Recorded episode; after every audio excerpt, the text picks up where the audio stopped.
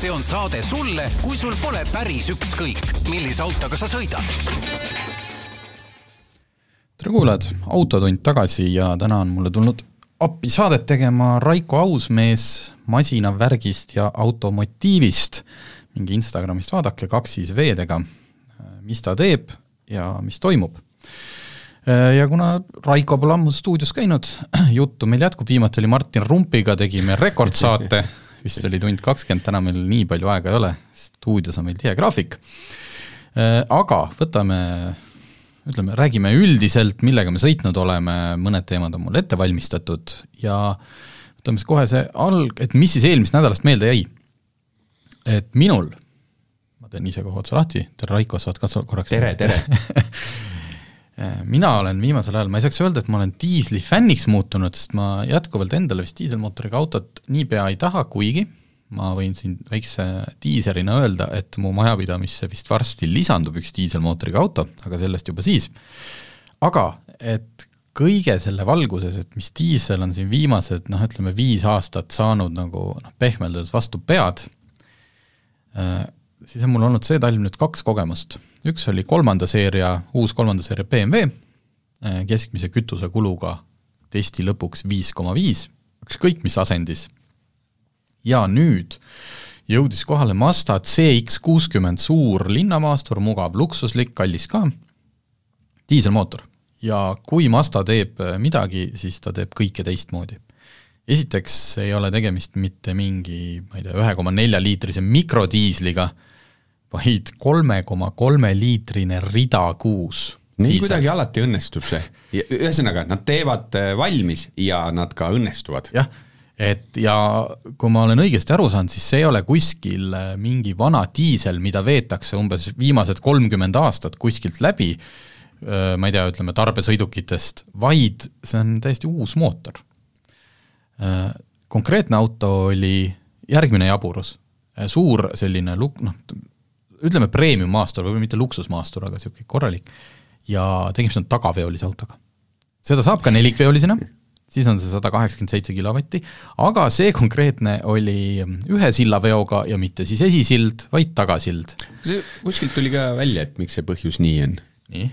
ei, ma ei tea, mina ka ei tea, mina ka ei tea, mootor on ju ees, kardaan tuleb panna autole ja äh, ilmselt ikkagi üks põhjus on see nendes, äh, ma arvan, et üks on äh, suund, et see on ikkagi sportmaastur. selles mõttes sportmaastur okay., et ta on ikkagi päris jäik, rool on äh, maru terav ja kui ma läksin temaga kuskil Viljandi taga väga sellisele kevadisele kruusateele, kus auk augus kinni, noh et seal nagu ütleme, et sellist suurt sõidunaudingut ei olnud, et pigem äh, roomasid läbi, et äh, mitte nagu autot noh, kuidagi kahju on. et see pole vist see auto, millega käia kuskil kruusateid väga palju sõitmas. aga põhiline selle auto keskmine kütusekulu minul koos natuke selliste katsetega kuskil kurvilisematel teedel oli kuus koma null.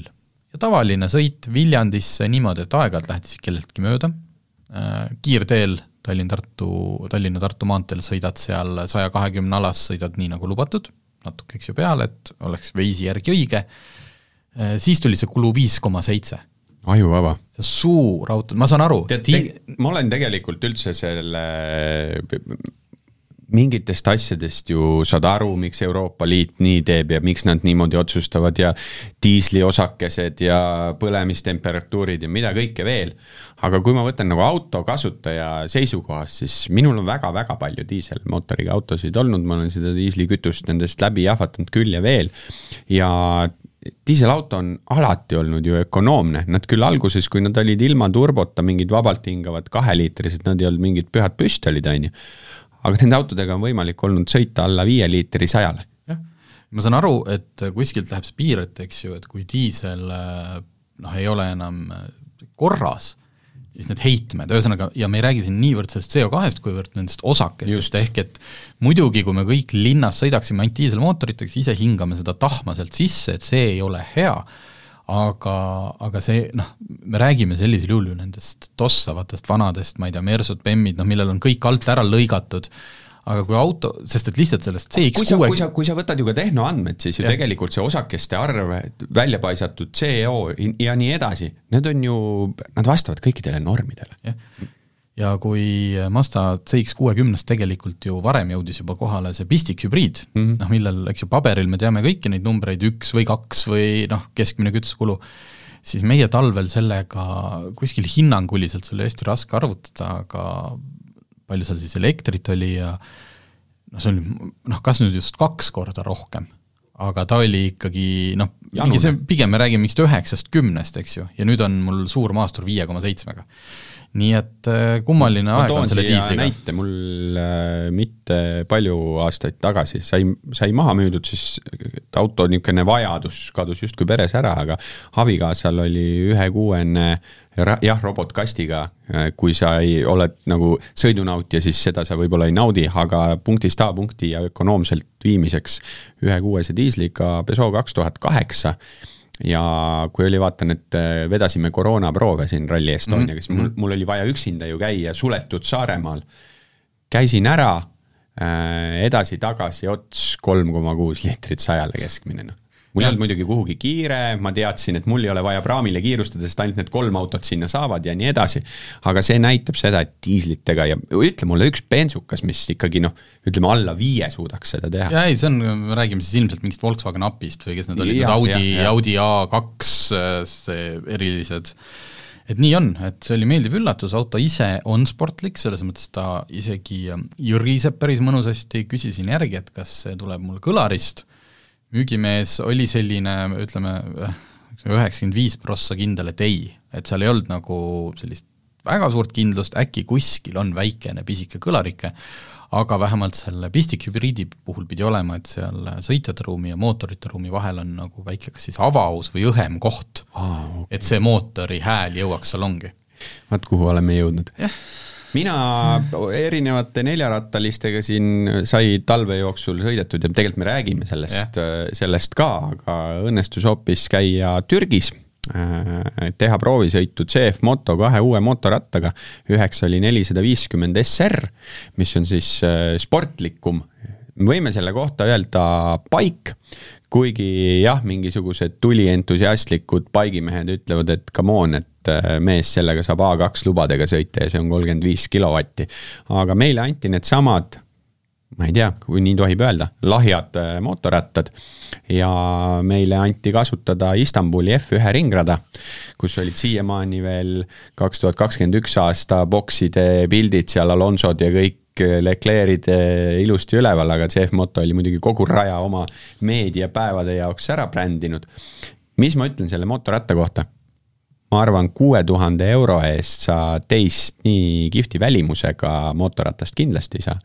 sellepärast, et äh, hiinlased juba kasutavad äh, väga mitmendat aastat sellist disainibürood nagu Kiska, mis asub Austrias, kes teeb mootorratastest KTM-ile Husqvarnale neil on üldse tegelikult KTM-iga väga tihe koostöö, neil on ühine tehas Hiinas ja nii edasi. ja Husqvarna tsiklid, ma ei tea motikatest eriti mitte midagi, aga pilte ma ikkagi oskan netist vaadata ja vot kui ma ükskord kukun juba enne tsikliga sõitma hakkamist, pea ära löön ja tunnen, et mul on elus tsiklit vaja, siis ma arvan, et see käik esimest korda, esimene käik vist ilmselt oleks kuskil Husqvarna lehele. no need jah, need jube kihvt, jube kihvt disain on. toodud, sedasama temaatikat äh, jätkub ka tegelikult selles ühes äh, CF Moto rattas, mis oli siis see teine proovimiseks, aga selle paigi juurde veel äh, tagasi tulles, siis paar sõpra ka seal sotsiaalmeedia vahendusel ikka jälgivad, vaatavad, mis sa teed, kus sa oled ja siis oh, mingi lasterattaga sõidad. kõigile ütlesin, et tule ole ise mees, taga sirge peal, sul on sada kuuskümmend kilomeetrit tunnis sees, vihmamärg rada, kerge parem kurv mäest üles, sa tead, et peale seda küngast võiks olla sirge, aga noh, me ma ei ole Martin Rump, kes ringrajad on endale pähe õppinud, on ju.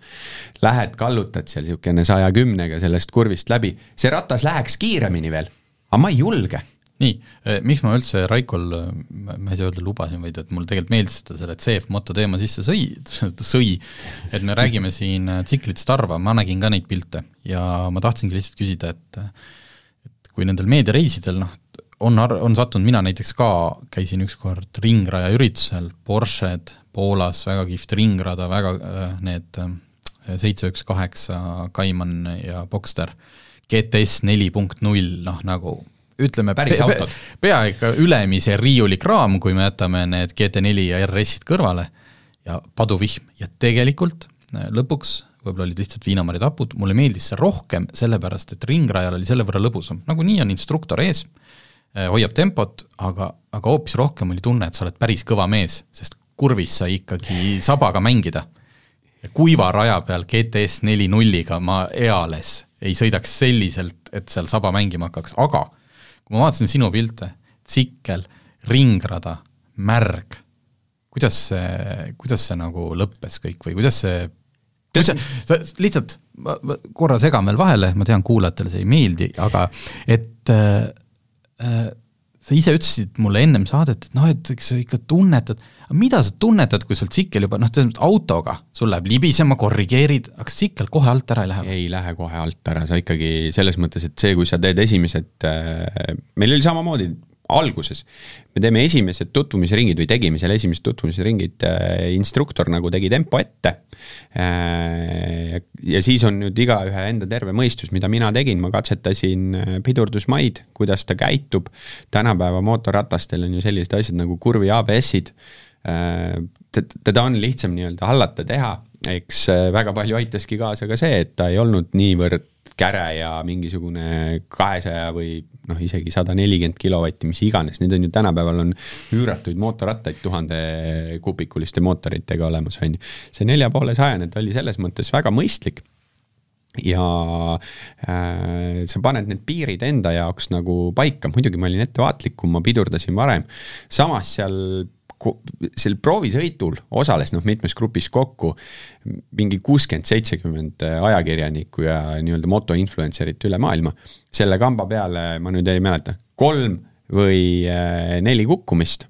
Äh, kõik õnneks sedasi, et inimesed midagi äh, viga ei saanud, sest mõned seal olid ka sellised, kes teatud tasemel sõidavad ringrajal võidu. Ja äge oligi vaadata hoopis, kui need inimesed, mina olen harrastaja, mina olen mõned üksikud korrad käinud siin äh, kusjuures ma ei ole Audru uuel rajal mootorrattaga sõitnud, ma olen vanal rajal sõitnud, ma olen Aravete kaardirajal, Raplas, aga need on lasterajad. ja kui sa lähed nüüd päris ringrajale, kus see käib üles alla, just, on ju, ma olen sealsamas Porschega saanud sõita äh,. oli aukartust äratav juba tookord ja nüüd mootorrattaga seal sõites siis esimest korda mõtlesid küll noh, et kuidas ma siis käitun või olen, aga noh, iga ringiga tõstad seda tempot, vaatad ja siis tulevad need teised profid maha ja ütlevad, et pagan, et noh, äge ja emotsioon on hea, aga ma räägin kiiresti ka see teine ratas. ma soovitan sul sinna CF Moto lehele minna ja vaadata nende seitsesada seeriat ja see, millega meie siis sõitsime, oli seitsesada CLX Adventure, see CLX seeria ongi tegelikult, äh, CL tähendab klassikalist ja X, et nad kavatsevad sellest rattast erinevaid versioone teha. et siiamaani oli olemas siis Sport ja Heritage ja nüüd nad tegid ka siis Adventure ratta, kus on kõrgem clearance, istumisasend püstisem, lenks püstisem. sellega me sõitsime siis selliseid seal Istanbuli külje all olevaid äh, mägiteid ja keerasime ka, mina keerasin siis mõned korrad ka maantee pealt maha, tal on kohe Pirelli Scorpion rehvid, tsiklimehed teavad, mis see tähendab, et niisugune natukene nagu maastikusuutlik äh, rehv ja siis sõidurežiimid, kui muidu teisel, teistel on nii-öelda street ja sport, siis sellel oli, või oli Eco ja sport, ma ei mäleta, siis sellel on street ja või on-road ja off-road, on ju. ja vot see on äh, väga kihvt ratas. mina, ma olen kunagi paiki omanud, seal ringrajal oli äge ma ütlen, et äh, see ratas täpselt sellisele, kes tahab võib-olla esimeseks rattaks ja paigilikku ratast, muidugi vaata selle CF Moto poole, sest kõikide CF Moto motorataste, mis on eelised ja kui me võtamegi just Eesti turu äh,, hinnaeelis on neil igal turul.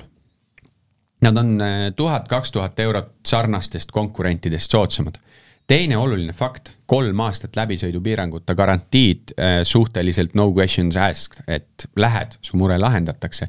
ja kolmas oluline asi äh,, edasimüüjate võrk. ma arvan, et äh, äkki KTM on teine, kellel on mitu edasimüüjat, ülejäänutel on ju üks kuskil, on ju CF Moto läbi selle, et nad äh, ATV-dega turule tulid, neil on see võrk üle Eesti, ma enam ei mäleta, kümme pluss, on neid kaksteist või neliteist edasimüüjat. mootorrattaid nüüd tassitakse ka pea igasse poodi ja ma ütlen tagasisidena selline asi, et Paidest on praegu enne hooaja algust müüdud maha kolm mootorratast. noh, palun väga. sa saad minna sellega ühesõnaga hooldusse ka pärast sinna oma kodu lähedale. okei okay,, mul jäi meelde, et palju sa siis seal F1 rajal siis sisse said sellega, vihmasilmaga? silmanurgast vist seal taga sirge peal korra oli seal mingi niisuguse saja seitsmekümne, saja kaheksakümne juures. Kolmkümmend viis kilovatti mootorratas, nutke või naerge, sõidab küll. muidugi see kommentaar, et noh, kolm-neli kukkumist, et kujuta ette, kui me läheks mingile autoüritusele pärast, no ei no seal mingi selle, sellel nädalavahetusel niisugused noh, kolm-neli avariid oli seal. tead, mis, tead, tead ja tead, mis oli tore? oluline oli nende jaoks, äh, seal olid ju Hiina tippjuhid äh, ettevõttest ise kohal. kas inimesega kõik korras? hästi, väga hea ärme muretse selle mootorratta pärast, et ega neid ei sõidetud ühtegi nagu mingi meeletult no äh, ribadeks, aga, aga ikkagi autofirmad tuleksid, küsiksid sult mingisuguse oma vastutuse. jah, ilmselt seal kondlite vahetus ja kui see sõna on õige ja, ja lenksu ots võib-olla. jah, midagi niisugust need kõik olid. vot, okei okay., näete, et said tsikli juttu ka, äh, võib-olla äkki, äkki rahvale meeldib, peabki hakkama tegema siin. mul aga... on plaanis nii mõnigi mootorrattaproovisõit see kevad veel nii, aga mootorrattad, hooaeg algamas, Tallinnas minu arust sõitsid juba, no nagu, nagu ta tavaliselt on, et äh, autodega on vähemalt see, et sa pead ära ootama esimese märtsi, et isegi kui on väga ilus ilm, et noh, keegi äh, suvekatega ju varem ei või sõita tsiklitega, mis seal, ma ei tea, kas see reegel kehtib? ei olegi reeglit, see on kõige naljakam. nii, aga et hobiauto hooaeg on ava-, avanemas äh,, räägime siis natuke hobiautodest, et äh, kõigepealt ma tahaks rääkida sinust ka Renault Avantime'ist Äh, autoinimene teab, see on Renault kahe tuhandendate selline ja. kaks kummalist autot tehti, Avantime ja Velsatis. Velsatis on lihtsalt kole, Avantime on selle juures cool, selles mõttes, ta ei ole, jah, ta ei ole mingi selline, et vau wow,, kui ilus auto, aga Avantime käisin täna tanklas, kõrval oli taksojuht kiidan teie autovalikut ja, ja istus oma autosse, sõitis ära. Lihtsalt kirjutage siin äh, kuulamise taustaks Avantime sisse ja näete, millest ma räägin, tegemist on põhimõtteliselt mahtuniversaaliga, pereautoga, mõelge, ma ei tea, Renault Espace'i peale, aga seal on kaks ust, suured hiiglaslikud uksed, hästi, kõik maailma nurgad on selles autos, sa oled sellega sõitnud nüüd mis aasta? Äh, üle aasta ja ma just täna vaatasin, et mingi sihuke viieteist, kahekümne tuhande vahele poolteist aastat, noh mi,, mina, Risto Tormi on sellega kulgenud, kõigil on nagu see, see tunnetus on lahe, ta on kolmeliitrine V6 äh, diisel bensukas. bensukas, bensukas, kolmeliitrine V6 bensukas. aga läheb siis edasi ka või on ta lihtsalt selline, et, et kuna see kere ja kõik on nii Tead, suur ta, ta, ta vist tšekkasin ka, see tühimass on mingi tuhat üheksasada okay. kilogrammi okay., et ega ta on, ta on raske ja, ja, ja kui siin talvel ka sõita sai, siis noh, mis teeb ebamugavaks selle sõitmise, kõik see raskus on ees ninas, et ta tahab niimoodi kelguna kuskilt sul igalt poolt ära minna. aga lihtsalt see nagu kiirendamise peal see, see veemootor, ta on seal olemas, sa saad teda nautida. kuidas vastu peab? ütleme, kui on, eks isegi mõtlesin, et jube kihvt tahaks ka, aga et noh tegelikult on meil hästi vastu äh, pidanud. Äh, päris alguses sai kohe ära vahetatud mingisuguseid silladetaile, on ju.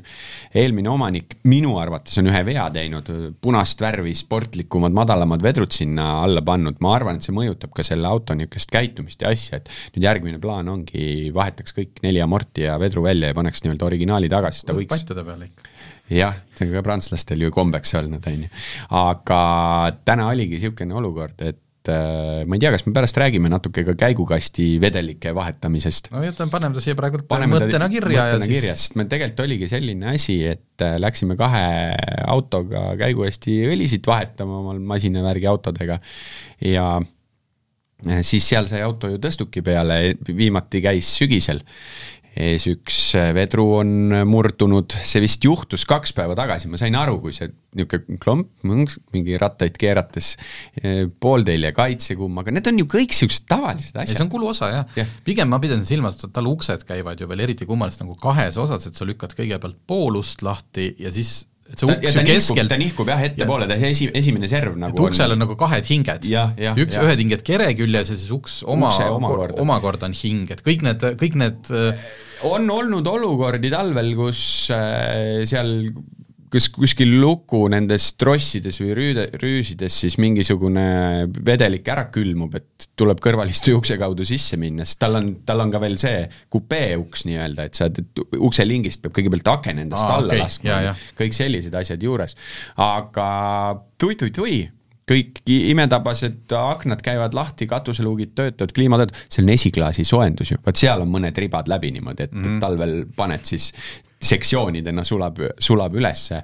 ja, ja noh, eriti kiiksuga asi on selle infolustisüsteem, mida sa saad juhtida roolisambal oleval lülit-, või sihukese kangiga, kus siis on ainult osad funktsioonid, aga täielikult seadmele ligipääsemiseks pead sa võtma kindlalaekas oleva puldi.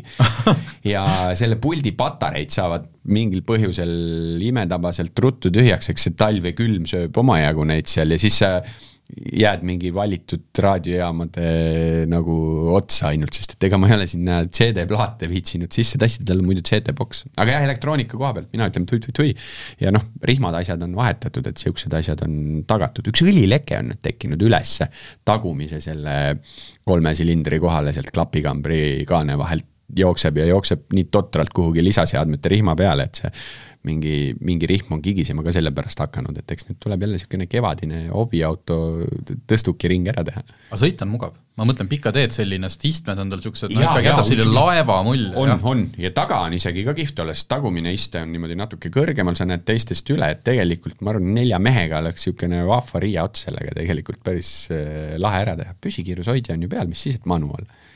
mis äh, kütusekulu? kaksteist kaksteist, üksteist, seitse, midagi sellist on see keskmine meil seal, aga noh, ta käib vahepeal kaksteist viie peal sedasi, aga midagi sellist. mis, äh, kui siin hobiautode peal läks, mis siin, mis, mis kevadel plaanid on, on sul midagi garaažis? tuleb midagi garaaži juurde? garaaži juurde praegu kindlasti ei tule, endal on mingisugune kiiks, et järgmisel aastal on nelikümmend, et peaks ühe auto otsima aastast, mis tuhat üheksasada kaheksakümmend neli ja ma isegi olen mõelnud, et ta võiks siis ka olla maikuus nii-öelda esmase registreerimisega. no ma arvan, et kiire pilk auto kahtekümmend nelja ja Lada valik on ju suur. Õnneks seda soolikat mul ei ole, heal sõbral on üks null kaks, sellega paar korda sõitnud, saad oma emotsiooni kätte. nostalgia, ainult nost-, puhas nostalgia lõhk, ja seal lõhk, kõik lõpeb. ja kõik, jah, mitte mingit sõidunaudingut ei ole, et äh, ma pean, ma pean vaatama, ma pean mõtlema, sest ma ei oska isegi välja mõelda tegelikult praegu seda, et mul on ju see kiiksuga mees, kellele meeldib äh, maastiku peal autodega äh, sõita, siis see võib ka olla mõni vanem äh, Land Cruiser, TFK-s, hoopis midagi sellist. Äh, teistpidi tahaks ju midagi kaheukselist, lühike Pajero no, valikud, eriti kui sa just maasturite teele lähed, siis ju neid äh, on, seal, seal on neid asju, aga jah, kui obikatest rääkida, eks kakssada kuus RC, ütlesid, et nüüd peame ootama neid ilmasid ja asju ja ootab RC rool... ehk siis puldiauto jah, radio control. Radio control, seda nalja, sa ei ole esimene, kes ma tean, aga liitri... meie kuulajad pole kuulnud. jah, kaheliitrine vabalt hingav sada kolmkümmend kilovatti eh, käänulisematel ringradadel sõidab sama ringiaega nagu kõige legendaarsem Civic Type R EP3, ta lihtsalt kaalub vähe. Ja, ja Audrus ise olen käinud, äh, ta on nagu laheda juhitavuse asjaga, et äh, ta on, ta on väga tore ja fun auto sõita ja mulle need väiksed nagu meeldivad, aga seal jah, roolilatt ootab vahetamist ja noh, eks me jätkame oma selle Audi A4 projektiga, aga sellest ma tulen teinekord eraldi ja, rääkima, see on oma, see on omaette seiklus, meil siin üks päev just oli taga veits, snorklit on vaja, ütleme siis niimoodi. aga see, oota see RC, kuhu ta nüüd, ma äh, Peugeot kahesaja kuuel oli GTI ka?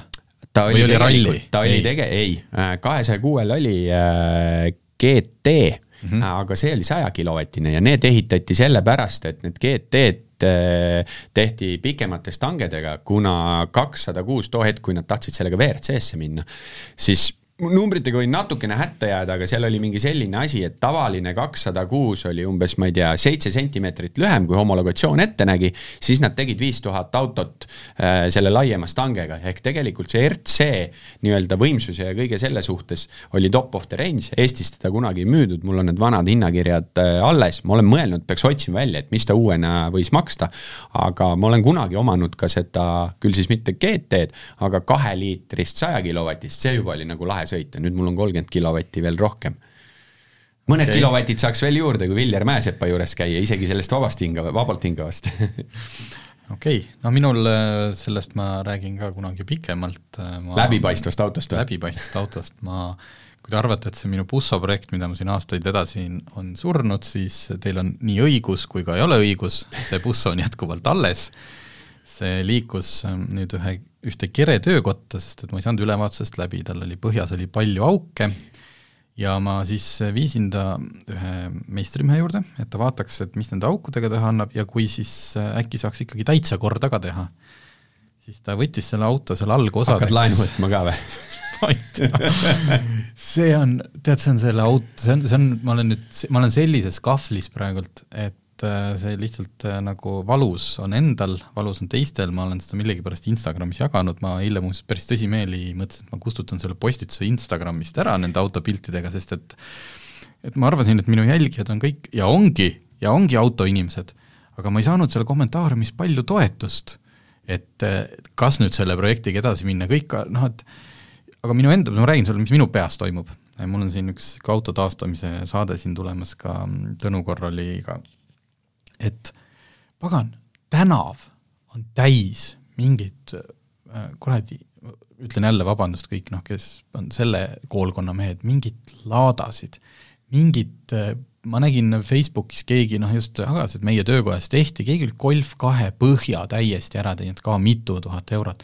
et mingit jumalast, ma noh, iga autoga on emotsionaalne väärtus ja minul on loomulikult ka selle bussoga nagu ma sattusin ühe kalibra otsa, kus no, kõik põhiasjad kõik tehtud. absoluutselt, et on äh, emotsionaalset väärtust, aga et lõpuks nagu autona ei ole ta, eks ju, mingi, ma ei tea, Lada või asi, noh, nagu ei ole ta haruldane, ei ole ta ka nagu ka siis, nagu sa just ütlesid, noh, peale sellise nostalgia rõõmu ja et paned selle pakiraami katusele, nagu nad siin Kalamajas sõidavad kõik, ja kõike tehakse, noh, kõik teevad ja siis, kui mina nagu, nagu servas nagu kohman, et kuna mulle meistrimees ütles, niisuguse muigel näoga, mina, mina ei, mina ei tea keretöödest midagi, ma ei ole kunagi ühtegi autot lasknud taastada ja ühesõnaga, ütlesin, ütle nüüd sina, noh et mis me teeme? ütlesin, kuule, sina ütle mulle, kui sina ütled, et see auto on mäda, noh, selles mõttes siin ei ole midagi teha, siis nii on, ma tellin treileri, võtan mootori maha ja, ja see auto see läheb mootor oleks eraldi müüdav, jah?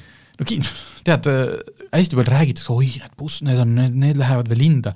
ma olen siin kohalikes Alfa Foorumites näinud aeg-ajalt kellelgi ka umbes samasugune mäda õues vedeleb, busso mootor peal ja tegelikult ega sellele nüüd tormi ei joosta. ja mina ju kaks aastat tagasi sain Poolast selle busso mootori kolmesaja euroga. noh, kindlasti on, et ta annab nii palju väärtust, et kindlasti ma ei viskaks seda ära, aga et noh, ta ei ole nüüd selline, et mul on tohutu varandus kuskil garaažis. aga jah, et mees ütles mulle, et muigas ja ütles, et ei noh, tehtav, tehtav, selles mõttes, et, et see kandmik, kuhu külge kõik see kereplekk, mida enam väga ei ole, kinnitub, see on korras. ta küll alguses mulle, kui ma selle auto viisin, kirjutas, et kuule, et ma siin on vist päris halvasti, et ta ei julge kahe punkti tõstukiga ülessegi tõsta, ta kardab äkki esiots murdub küljest ära mootori raskuse all jah, vaadake, ära Tarmo kustuta seda postitust ära, las inimesed ikka vaatavad. et ühesõnaga, ma olen nüüd kahvlis jah, et äh, ühelt poolt mulle öeldakse, et tehke, ma tean, et see kindlasti ei ole odav projekt, teisalt nagu on see, et kurat, kõigil on ju kogu aeg mingi projekt ja harva on need projektid, ma tean paari inimest, kelle projektid on alati sellised, et noh, see on väga kaalutletud, mingit sellist emotsiooni sinna vahele ei panda, et äh, igast projektist peab vähemalt nulliga nagu ükskõik, mis auto sa ostad, pigem väikse kasumiga.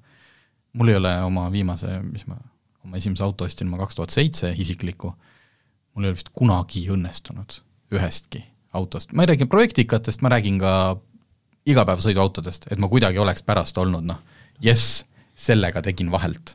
auto kui investeering, selle kohta ju võite kuulata Äripäeva, just. just, ühesõnaga ma ei tea, hetkel ta seda autot veel puhastab, teeme siin kalkulle, lihtsalt mul on tunne, et sellel autol kui ta korda saada, ükskõik mis, okei okay,, mitte ükskõik, aga mingi X summa eest, siis ta võiks pärast olla ju täitsa tore auto, aga olgu, sellest juba järgmisel korral. Äh,. Mis meil siin, mis ma panin sulle? Äh,, võtame mõned teemad, mis tegelikult sa ja ma tahtsin ka sellest rääkida, lähme selle käigukasti asjaga Lähme käigu et oleks saates ka kasuliku tarbija nõu. Äh, tuli välja, äh, sõbra isa ei hakka siin midagi keerutama, ilustama, tegeleb täpselt selle asjaga, mida kõik muidu teavad, et ainult ettevõte Hõbenool teeb. aga autosaal Artelli tänaval Mustamäel ehk siis äh, lihtsasti öelduna käigukasti õlivahetus.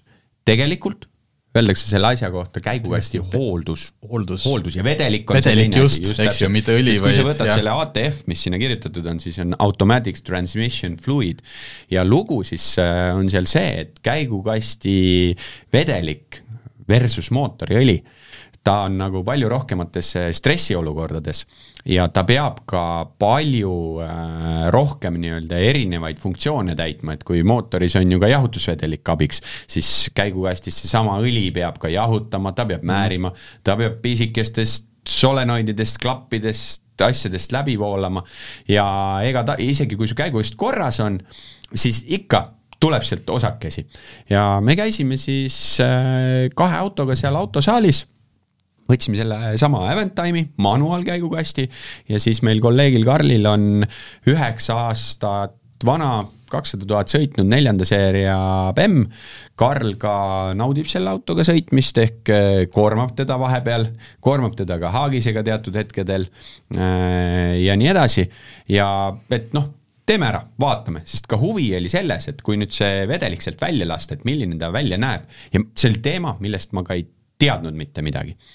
Äh, näitel, kus siis on ZF-i kast, äh, väga hea, lihtne seda tööd teostada, võtad alt ära siis selle käigukasti nii-öelda ma ei tea, käigukasti korpuse põhja mm -hmm. käigukasti karteri või selle tüki alt ära, on ju, niisugune A4-st, võib-olla A3 suurune detail, seal sees on filter, seal sees on ka magnetid, mis siin tegelikult peaks olema need indikaatorid, et äh, kui halvas seisukorras sul see käigukast on, sest see õli kogu aeg keerutatakse sealt alt sellest filtrist läbi, nende magnetite külge koguneb mustus. see oli tegelikult üllatavalt okei okay selle vanuse peale. ja see oli olnud nagu äh, mingeid siukseid murettekitavaid äh, liiga suuri äh, tükke, seal oli kergelt metallipuru, aga noh, asjad hõõrduvad üksteise vastu, ikka tuleb, on ju, aga noh mis selle käigukasti vedeliku juures, mida siis meistrimees näitas ka, mis nagu kõige-kõige olulisem on.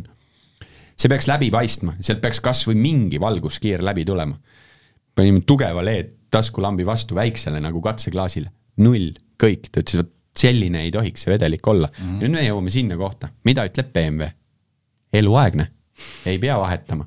ja kui nemad ka selle vahetuse teevad, siis nemad lasevad välja umbes poole õlist, sest mida see dünaamiline vahetus tähendab sul pannakse mingi spets pumba ja asjaga sinna äh, külge siis sisse tulev õli ja kõik õli, mis tegelikult jääb umbes pool õli tuleb alt välja mingi sellel BEM-is on niisugune kaheksa liitri jagu, siis kolm-neli liitrit tuleb niisama korgist või sealt põhja alt välja.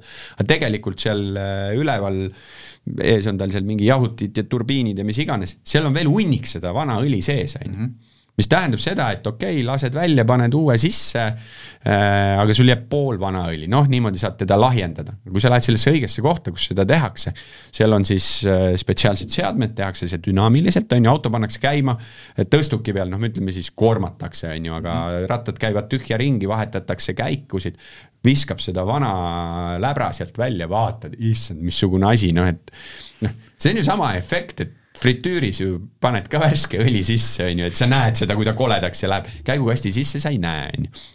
Ja äh, siis teine asi, et äh, selle pärast siis, kui tagasi pannakse, siis äh, ka käigukasti õli äh, tase, sest kuna see käigukasti õli seal temperatuuridega mängib, siis vastavalt temperatuurile, et see kogus kõik õige saaks, see on ka ikkagi, inimesed on koolitustel käinud, omavad paari nagu olulist seadet ja saavad seda teha, esindused seda ei ma ei saa öelda, et kõik ei tee, aga noh, üheksakümmend protsenti esindustest ei pakugi sihukest, sihukest teenust.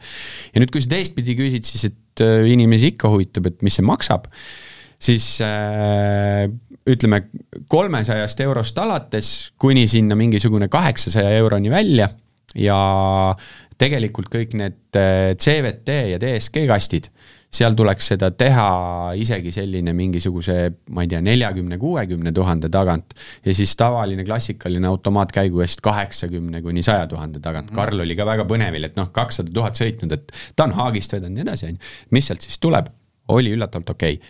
muidugi selle õlivahetusega sa midagi ära ei remondi, sest kui mehaaniline vigastus on, siis ta on aga sa saad kõiki asju ära hoida, sellepärast et me nende õlivahetuste puhul räägime ikkagi kolmekohalisest summast. kui sul käigukastiga midagi juhtub, siis kolmekohalise summaga ei ole enam midagi teha. aga tulles nüüd selle korraks selle manuaalkäigukasti juurde, Avantime'il samamoodi, nüüd on siis sada kuuskümmend viis tuhat tal umbes läbisõitu, kunagi ei ole seda vahetatud äh, see on küll nüüd üks asi, mida ma soovitan, seal on samamoodi öeldud, et noh, kaheksakümmend kuni sada tuhat. tegelikult, kui te ostate endale kasutatud auto, laske see käigukasti õli ka ära vahetada mm, -hmm. ikka pikendad eluiga ja siin me räägime niisugusest saja eurosest eelarvest selle töö jaoks. ja muidugi lisaks siis, kui sul on neliveoline kõik need esimese põlvkonna Haldexid, kus ei ole filtrit, seal tuleks tegelikult viieteist tuhande tagant seda vahetada, dihvrid, nii edasi. ehk et kõik vedelikud, mis autos on, et ärge jääge selle nagu mootoriõli vahetuse juurde. jah, ja see, see üks suu-, jah, automaailma suurimaid valesid paljude teiste kõrval on see, et mingi asi on eluaegne. sest et eluaeg on, äh, autotootja on endal pannud kuskil raamatupidamises kirja, mis on ühe auto eluiga, noh. see on ilmselt siis äh, kuskil sealmaal, kus ka kõige suuremad Saksa ärimehed ainult kiirelt sõites on oma garantii ajal selle mingi kakssada tuhat täis sõitnud. Ja, ja, ja pärast seda ei ole see enam autofirma mure, see auto. Või autotootja mure. ja absoluutselt, siis ei ole kohe, kohe kindlasti enam see nende mure. Ja nad on ka suutnud selle, et tegelikult käigukastitootjad siis näevad ette ja igast need dihvritootjad ja näevad ette neid vahetusi. aga kuna see garantiiseadustik või see, ütleme siis bürokraatia pool paberites liigub nii, et äh, see vastutus selle käigukasti tootja pealt langeb siis ära, kui noh, autofirma ju vastutab, on ju. tema annab selle nagu kogu koostöö eest garantii. siis äh, neid see enam ei koti ja soovitus võib-olla just neile, kes neid müstilise nõks alla kahesaja tuhande läbi sõitnud autosid endale Saksast toovad need autod on kindlasti rohkem sõitnud, punkt A, ja teiseks, minge tehke ära, sest ma ütlen ausalt, sa ostad endale auto Äh, ja muuseas, mida see värske õli võib välja tuua, ta võib esile hoopis kutsuda nagu või noh, tuua välja murekoha mm -hmm. pärast seda õlivahetust ja kui nad õpivad käigukastid, on ju, on võimalik ka lasta see kast nii-öelda tagasi nagu ära nullida, et hakkab uuesti õppima. ja siis võib välja tulla hoopis neid tõelisi äh, probleeme, asju, millega peaks tegelema, mida sa ei saa ka ennem teada, kui sa seda nii-öelda äh, hooldust äh, ära ei tee. varem või hiljem need automootorid, käigukastid, kõik asjad saavad otsa. nagu Tarmo ütles, ükski asi pole tegelikult eluaegne. aga pikendage seda eluiga nii ja, palju kui võimalik. Äh, ja ärge uskuge, et, et ei pea, peab küll. auto ongi üks kulukas asi, mida omada. jah, nagu sa ütlesid, ühegi asjaga sa pole tulnud positiivses nüüd muidugi selle sinu jutu peale mul meenub, et mul on sellel äh, pere põhiautol on äh, kaheksakümmend tuhat sai täis no,. peaks minema, mul on küll see ZF kaheksakäiguline äh, kast Ka. Karli Bemmil sama? Jah, et ja. Äh, noh, tal kakssada tuhat ja midagi veel ei juhtunud. ei, tegelikult ma peaksin ikkagi siis äh, ütleme, enne sadat tuhandet võiks ära teha ma, küll. kusjuures toon kiire näite, et meil ühel kolleegil on see CLA nelikümmend viis AMG, siis Mersu universaal, hästi kihvt auto ja seal käigukasti mehed ütlesid, targad ütlesid, et jumala hea auto, aga Mercedes on ühe asja valesti teinud, seal on DSG kast kast ongi see mure, sinna klassikalist dünaamilist õlivahetust ei, ei tehtagi, seal peaks tegelikult seda jah, tihedamini vahetama, aga auto ilusti. Mercedes esinduses käinud mm,, Saksast sisse toodud, kastiõli kunagi üheski, noh, pole märgitud, see ikka märgitakse ära, kui ära vahetatakse. ja nüüd, ma ei tea, palju Ranetil see auto sõitnud on, aga käigukasti probleemid nagu on esile kerkinud juba vot nii, järgmine tarbija teema, kõigile kasulik, hetkel veel vähestele, aga hea teada või, või siis lihtsalt probleem lauale tõsta, et äh, Lamborghini Revuelto ost või? võib-olla kui meil jääb lõpus paar minutit, äh, räägime, kuidas me ostame Lamborghinit uut, tegelikult äh, kas sa käisid sõitmas, eks ju, Mercedes EQS SUV-ga? käisin. me avastasime, õigemini mina vist sain selle auto peaaegu et kõige esimesena, avastasin, et seal on, mis, mida harva demoautodel ju on, oli Haagise konks Mercedes paneb, Mercedes on enamasti hästi varustanud endalt selle koha pealt. ja kuna minul endal puudub äh, haagise veo õige, see ütleme, suure, suure haagise veo luba, siis ma ise ei saanud seda testida, aga viskasin Raikole, et kuule, et kui sa selle EQS-i võtad, et vis-, sest et ta võib ju vedada mingi tuhat kaheksasada kilo, kujutage ette, elektriautoga, et mis see siis sellele äh, voolutarr või range'ile teeb, mis ta tegi? viiskümmend umbes viiskümmend kilo Mi midagi sellist. talvel.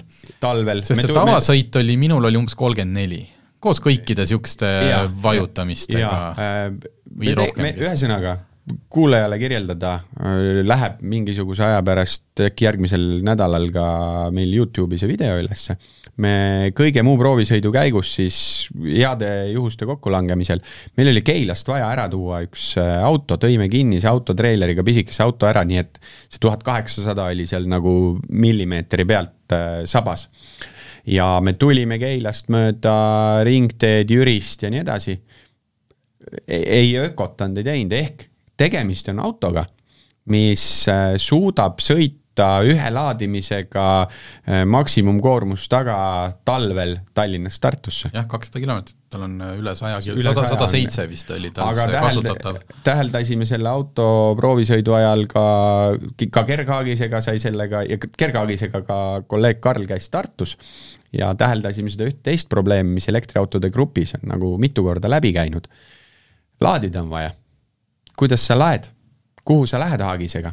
võtan haagise tagant ära tikupoisis ja panen parkimis, mitte ühtegi kohta ei ole.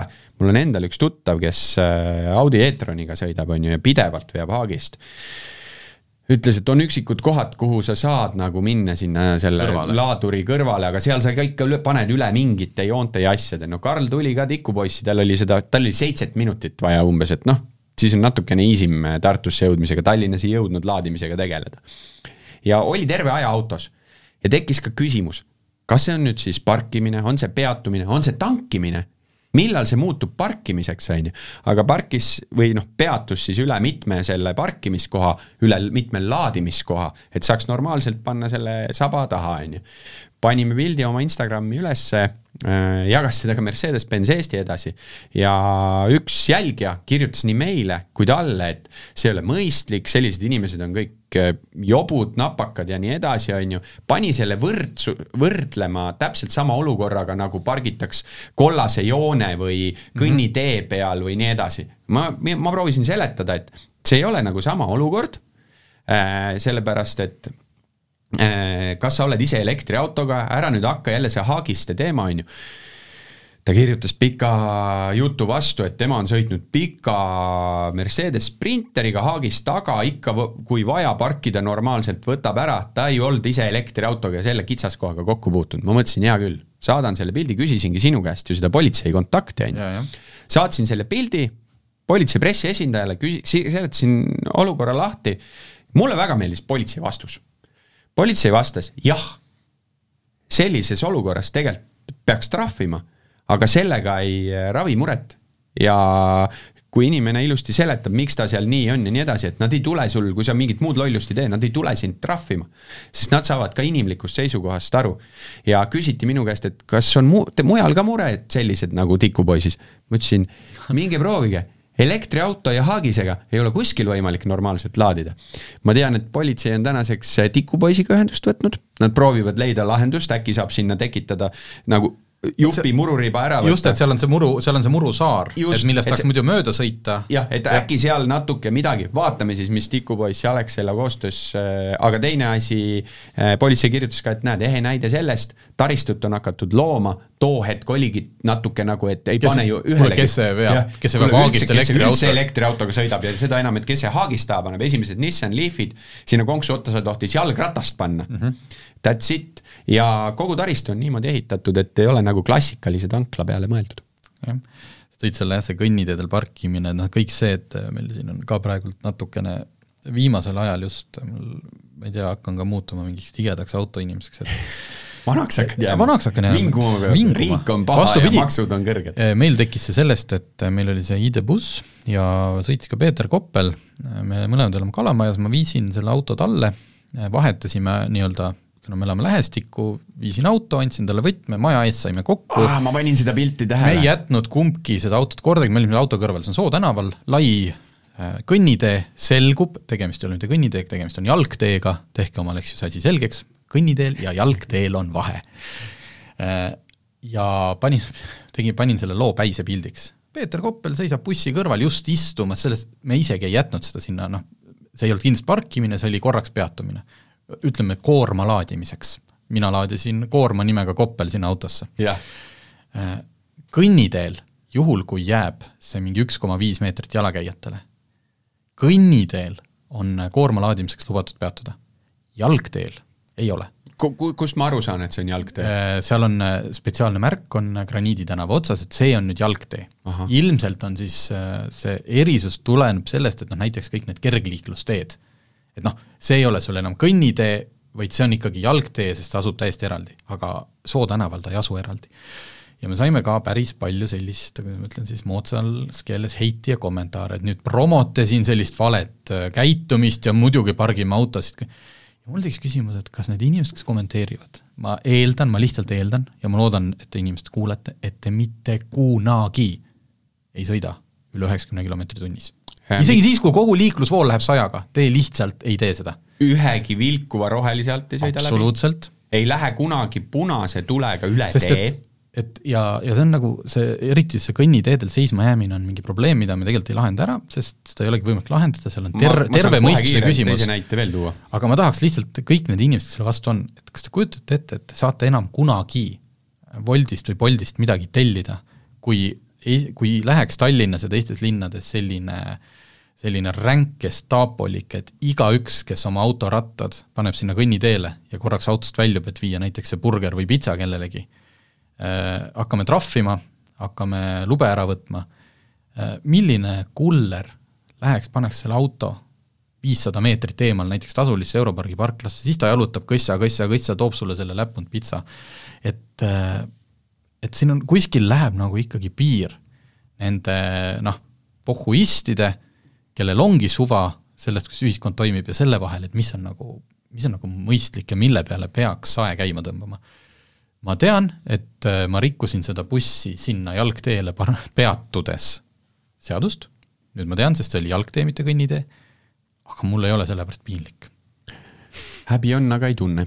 Mm, täpselt samasugune olukord oli äh, no Plessneris siis või protoavastuskeskus, mis iganes, oli äh, üks sündmus tegelikult, mida Mercedes toetas ja autod olid pargitud korraks kõnnitee peale, keegi oli mööda minnes teinud klõpsu, elektriautod Eestis gruppi pannud, et näed, siin kaks Mersut, on ju, ja tema ei teinud seda pilti sellepärast, et kus need autod pargivad, on ju Need autod ka seal ei parkinud ja kohe läks kommentaariumiks, kõnniteel, oh idioodid, milleks nii, kuidas selline, mis üritus see on? tegelikult kogu point oli selles, need autod olid sinna toodud, üks nendest pidi minema sinna tuppa, teine maja ette ära pandama, sealsamas majas toimus sündmus ärge olge niisugused internetipolitseinikud ja tegelege nagu mõistlike ja, asjadega. Ma, ma... ma alati imestan neid inimesi, kas teil ei ole töö juures piisavalt tegevust? Äh,, guugeldan välja, kes teie ülemused on, ma leian teile seda, on ju. või teine asi, et te olete kodused ja teil on lihtsalt nii igav, et mitte midagi muud ei ole teha, et kui nokkida nagu täiesti mõttetust. jaa, et lihtsalt, lihtsalt see ongi see, et mitte, et me nüüd pooldamegi ja kõik hakkamegi oma suuri maast-, lihtsalt valige seda lahingut ja hinnake olukorda kas sellel hetkel on tegelikult kellelgi liikumine takistatud, kui ka tuleb, ma ütlen, kui me seal Kopliga seisime, sealt oleks võinud ema tulla kolmikute käruga ja oleks saanud noh, niimoodi mõnusasti mööda, et me oleksime üksteisele tere viibanud ja kõik, et lihtsalt noh, nagu ja seesama Karli olukord selle Haagise EQS-iga tikupoisi ees, ta tuli, vaatas ühtegi teist elektriautot ei ole, ta, ta ütleski, lagi kümme minutit, tegelikult oli vist mingi seitse, noh, laadis mm -hmm. seitse, on ju, noh, natuke minut sinna, minut tänna, ma, selleks ka. ütles ka, et ma olin ju auto kõrval, on ju, keegi oleks tulnud, et oo, kuule, kohe pargib ringi, on ju. et aga hakata nagu mingit heiti panema aru saamata tegelikult olukorrast ja võrdsustama seda mis iganes muu asjaga, siis see kõik oh., see kõik käib inimestele, nendele kommenteerib täpselt nii kaua närvidele, kuni üks hetk on sul see Euroniks või keegi külmkapiga maja ees, aa ei kuule, peatu korraks siin, siin on täitsa okei okay,, et äh, viime ruttu selle külmkapi üles ära. sa ei hakka seda poole kilomeetri kauguselt või no okei okay,, kahesaja meetri ükskõik. vahet ei ole, sa ei hakka seda ka viiekümne meetri just, siis võib peatada, okei. Okay. nii, aga räägime siis äh, kaks uudist, võtame esimesena, kas sinul on mõni äh, see Lego Technicsi auto või üldse nagu mingi niisugune Lego Technicsi, ütleme, laste mänguasi, mis on mõeldud suurtele inimestele? mul on Lego Technicsi KTM-i mootorratas muidugi. okei, nii. Ehm, mul on ka käsi aeg-ajalt niimoodi, issand, kui tahaks, noh, klotse kokku panna ja lapsepõlv tuleb meelde, kuigi mul lapsepõlves Legost ei olnud, olid need vene, vene klotsid, aga loominguline inimene teeb ka nendest autosid. aga ahah, mitmeosaline, mitme, Raiko näitab mulle pilti praegult ma ei tea, sellest, mitmeosaline see oli, aga teda oli tore kokku panna. Et äh, need Lego giftid, asjad, aga nendega on sageli see probleem, et kui sa võtad mingi, ma ei tea, Bugatti Chironi, Porsche GT3 RS-i või GT, ma ei tea, millest see tehtud on, GT2-st, et kui sa hästi ümara ja voolujoonelise ja mingi aerodünaamilised elemendid, mis seal kõik on ja üritad nagu ikkagi pigem kandilistest klotsidest, noh eks seal on neid eri mingeid detaile ka, siis nad noh, jah, sa saad aru, et see on Porsche või sa saad aru, et see on McLaren, aga ta ei näe nagu, ta ei näe nagu, nagu nii realistlik välja. aga nüüd, kindlasti on neid veel, aga mis üks, üks päev jäi silma, et äh, Lego teeb sellest vanast äh, Land Rover Defender üheksakümnest, tuleb välja kohe siin aprilli alguses mudel. ja vot see oli selles mõttes kihvt, et äh, ta näebki välja nagu Defender. sest Defender ongi kuubik, noh, ta nagu ma ei tea, ma, vot see on nüüd nagu üle tüki aja üks, üks Lego, mis, ega ma ei osta seda, aga millegipärast nagu tead, mõtle, miks sa ei osta seda või? sellepärast, et ta maksab selle nalja, nalja tegemise jaoks kahe-kolmesaja euro vahel tuleb hind ja,. jaburalt palju.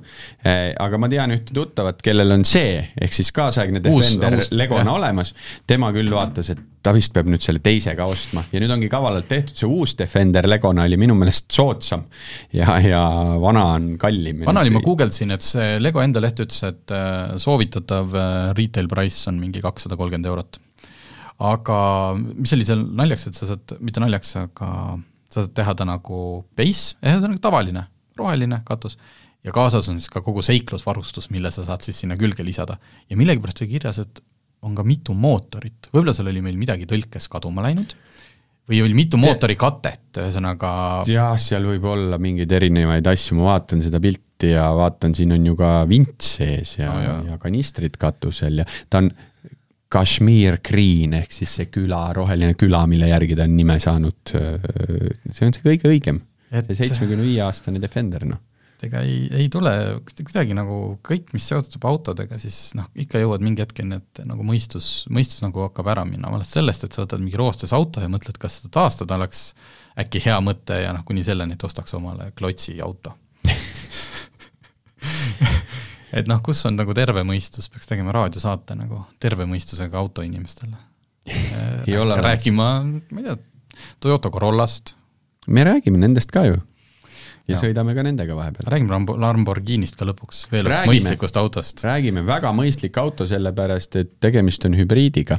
jah, kusjuures Revuelto, sina hakka sellest nimest tegelikult peale. jaa, ühesõnaga Lamborghini siis üle pika aja uurusest äh, alates äh, tõi välja uue mudeli. Kui talle tundub, et oota, mis Lamborghini kogu aeg ju toob midagi, ei, ta teeb omale olemasolevate autode eriversioone, noh see oli Invincible, eriti lollaka nimega siin, kaks viimast Aventadori. üks oli Invincible ja ma ei tea, mis selle teise nimi oli ja siis on seal noh, see Countach tehti ju, mis ka tegelikult baseerub Aventadoril Just, ja aga nüüd on täiesti uus Revuelto, alles jäeti V kaksteist mootor, pandi sinna juurde appi kolm elektrimootorit, tuhat ja üks hobujõudu. tuhat ja üks hobujõudu, vist isegi tuhat ja viisteist, ma oleks, nad võiks, oleks võinud jah, tuhande ühe peale jääda. kas, kas tea, Veyronil oli tuhat üks äkki või? äkki see number oli võetud lihtsalt? ma tean, et nad tahtsid lihtsalt seda tuhat ja peale saada. jah, just. kõik kihvt ja nimeks Revuelto. Lamborghinile kohaselt järjekordselt võitlushärja nimi. võitlushärja nimi, jah. Muidugi V kaksteist, eks ju, sellise hüperautoga sa nagunii mingite mm, loodus- ja loomasõprade nagu poolt, poolehoidu ei kuidas selle võida, autoga saab ju mingi kümme kilomeetrit elektri pealt sõita? nüüd jah, nüüd küll, mille põhi, põhieesmärk vist on see, et kui sa elad äh, mingis vaiksemas naabruskonnas ja naabritega saad hästi läbi, et sa hommikul ei tee seda külm käivitada, vaid saad rahulikult minema hiilida. aga et jah, et see võitlus härgade, ma saan aru, et see on nagu see ikkagi ajalugu ja see kõik on seal taga, aga nagu see härjavõitlus ei ole ju tänapäeva rohe, üldse nagu niisuguses äh, tsiviliseeritud maailmas üldse koššer asi. ühesõnaga, Revuelto on järjekordne kuulus võitlushärg, aga siin on juba tarkpead välja toonud, et Revueltol on ka mitu tähendust hispaania keeles. üks on äh, mixed up, segatud, millega siis võiks viidata nagu selle auto bensiini- ja elektrimootorite koostööle ehk segu. aga, aga naljakam on äh, selle Revuelto teine tähendus, mis on scrambled ehk siis nagu kokku klopsitud või et, et näiteks hispaania keeles huevos revuelto on scrambled eggs. et, et selline, selline tore nimi. Kuidas sulle see auto meeldib?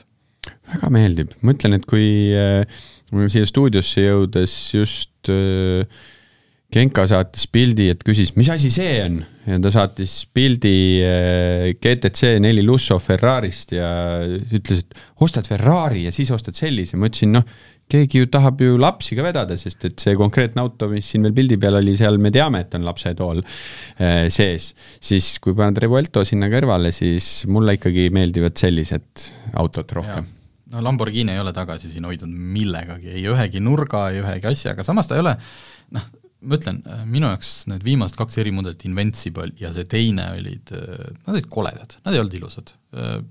Keegi isegi ütles, nagu mingi koolilaps oleks selle kuskil, ah viimases Top Geari ajakirjas oli seal erinevaid, Revuelto muidugi no e-lambo ikkagi. uksed avanevad üles. muidugi, Huracan on ju laste lambo uksed käivad valesti lahti. Äh, nullist sajani kahe koma viiega, aga seda ammu enam keegi ei mõõda, sest mõõdetakse nullist kahesajani, mis on alla seitsme sekundi. Äh, hind, vaata hinna osas me läksime enne saadet, tekkis meil segadus. Äh, sina lugesid kuskilt välja üheksasada tuhat. mina lugesin välja, et umbes viissada tuhat eurot, mis on vist pigem loogilisem. kui ta tegelikult on Aventadorile jätk, mis oli poole miljoni ringis, siis okei okay,, mingi hinnatõus on, midagi on, aga ma, see oli ka kuskilt Car and Driver. just, et see, see, see, see muuseas mulle pakkus äh, suurt äh, rahulolu, et kui tõesti see hind on viissada, et siis aeg-ajalt ka sellised suured tegijad, kellele ma kujutan ette, et mitte ei saadeta tuima pressiteadet või nad ei pea ise otsima, vaid Vinkelmann äh, isiklikult helistab ja räägib, et mis auto neil tulemas on, noh mitte küll päris nii, aga, aga tihti on nad juba ju kohal, eks ju, lansseerimisel, et kuskilt olid mingid Ameerika väljaanded äh, võtnud jah, hinna kaheksasada üheksakümmend tuhat dollarit. et see nüüd ei ole, noh see tegelikult, kuigi need hüperautode hinnad äh, on täiesti jaburaks kerkinud. no see on ikka miljon on ikkagi, miljon on, on erimudel, mingi ma ei tea, võib-olla kui sa selle Revuelto teed täis karbonist, siis on ta Milku. aga jah, muuseas Aventadoriga mulle meeldib see, et äh, need Lamborghinide nimed, et kust noh, irvhambad netis, seal on ju ka selle ukse kõrval on hästi suur see õhuvõtuava, mis mm -hmm. läheb sinna taha. et see on Avent, Event, Eidor, ehk siis Aa. vent-, ventilaator ja uks, et sealt on see nimi tulnud. vot, aga nagu Raikoga ikka, meil siin paar teemat jäi seekord äh, kajastamata ka, sest ärme seda rumpisaadet üle tee aga, aga ilus pikk saade tuli ja ma arvan, et äh, küllap ma sind jälle kutsun, aitäh, et tulid! jaa, palun!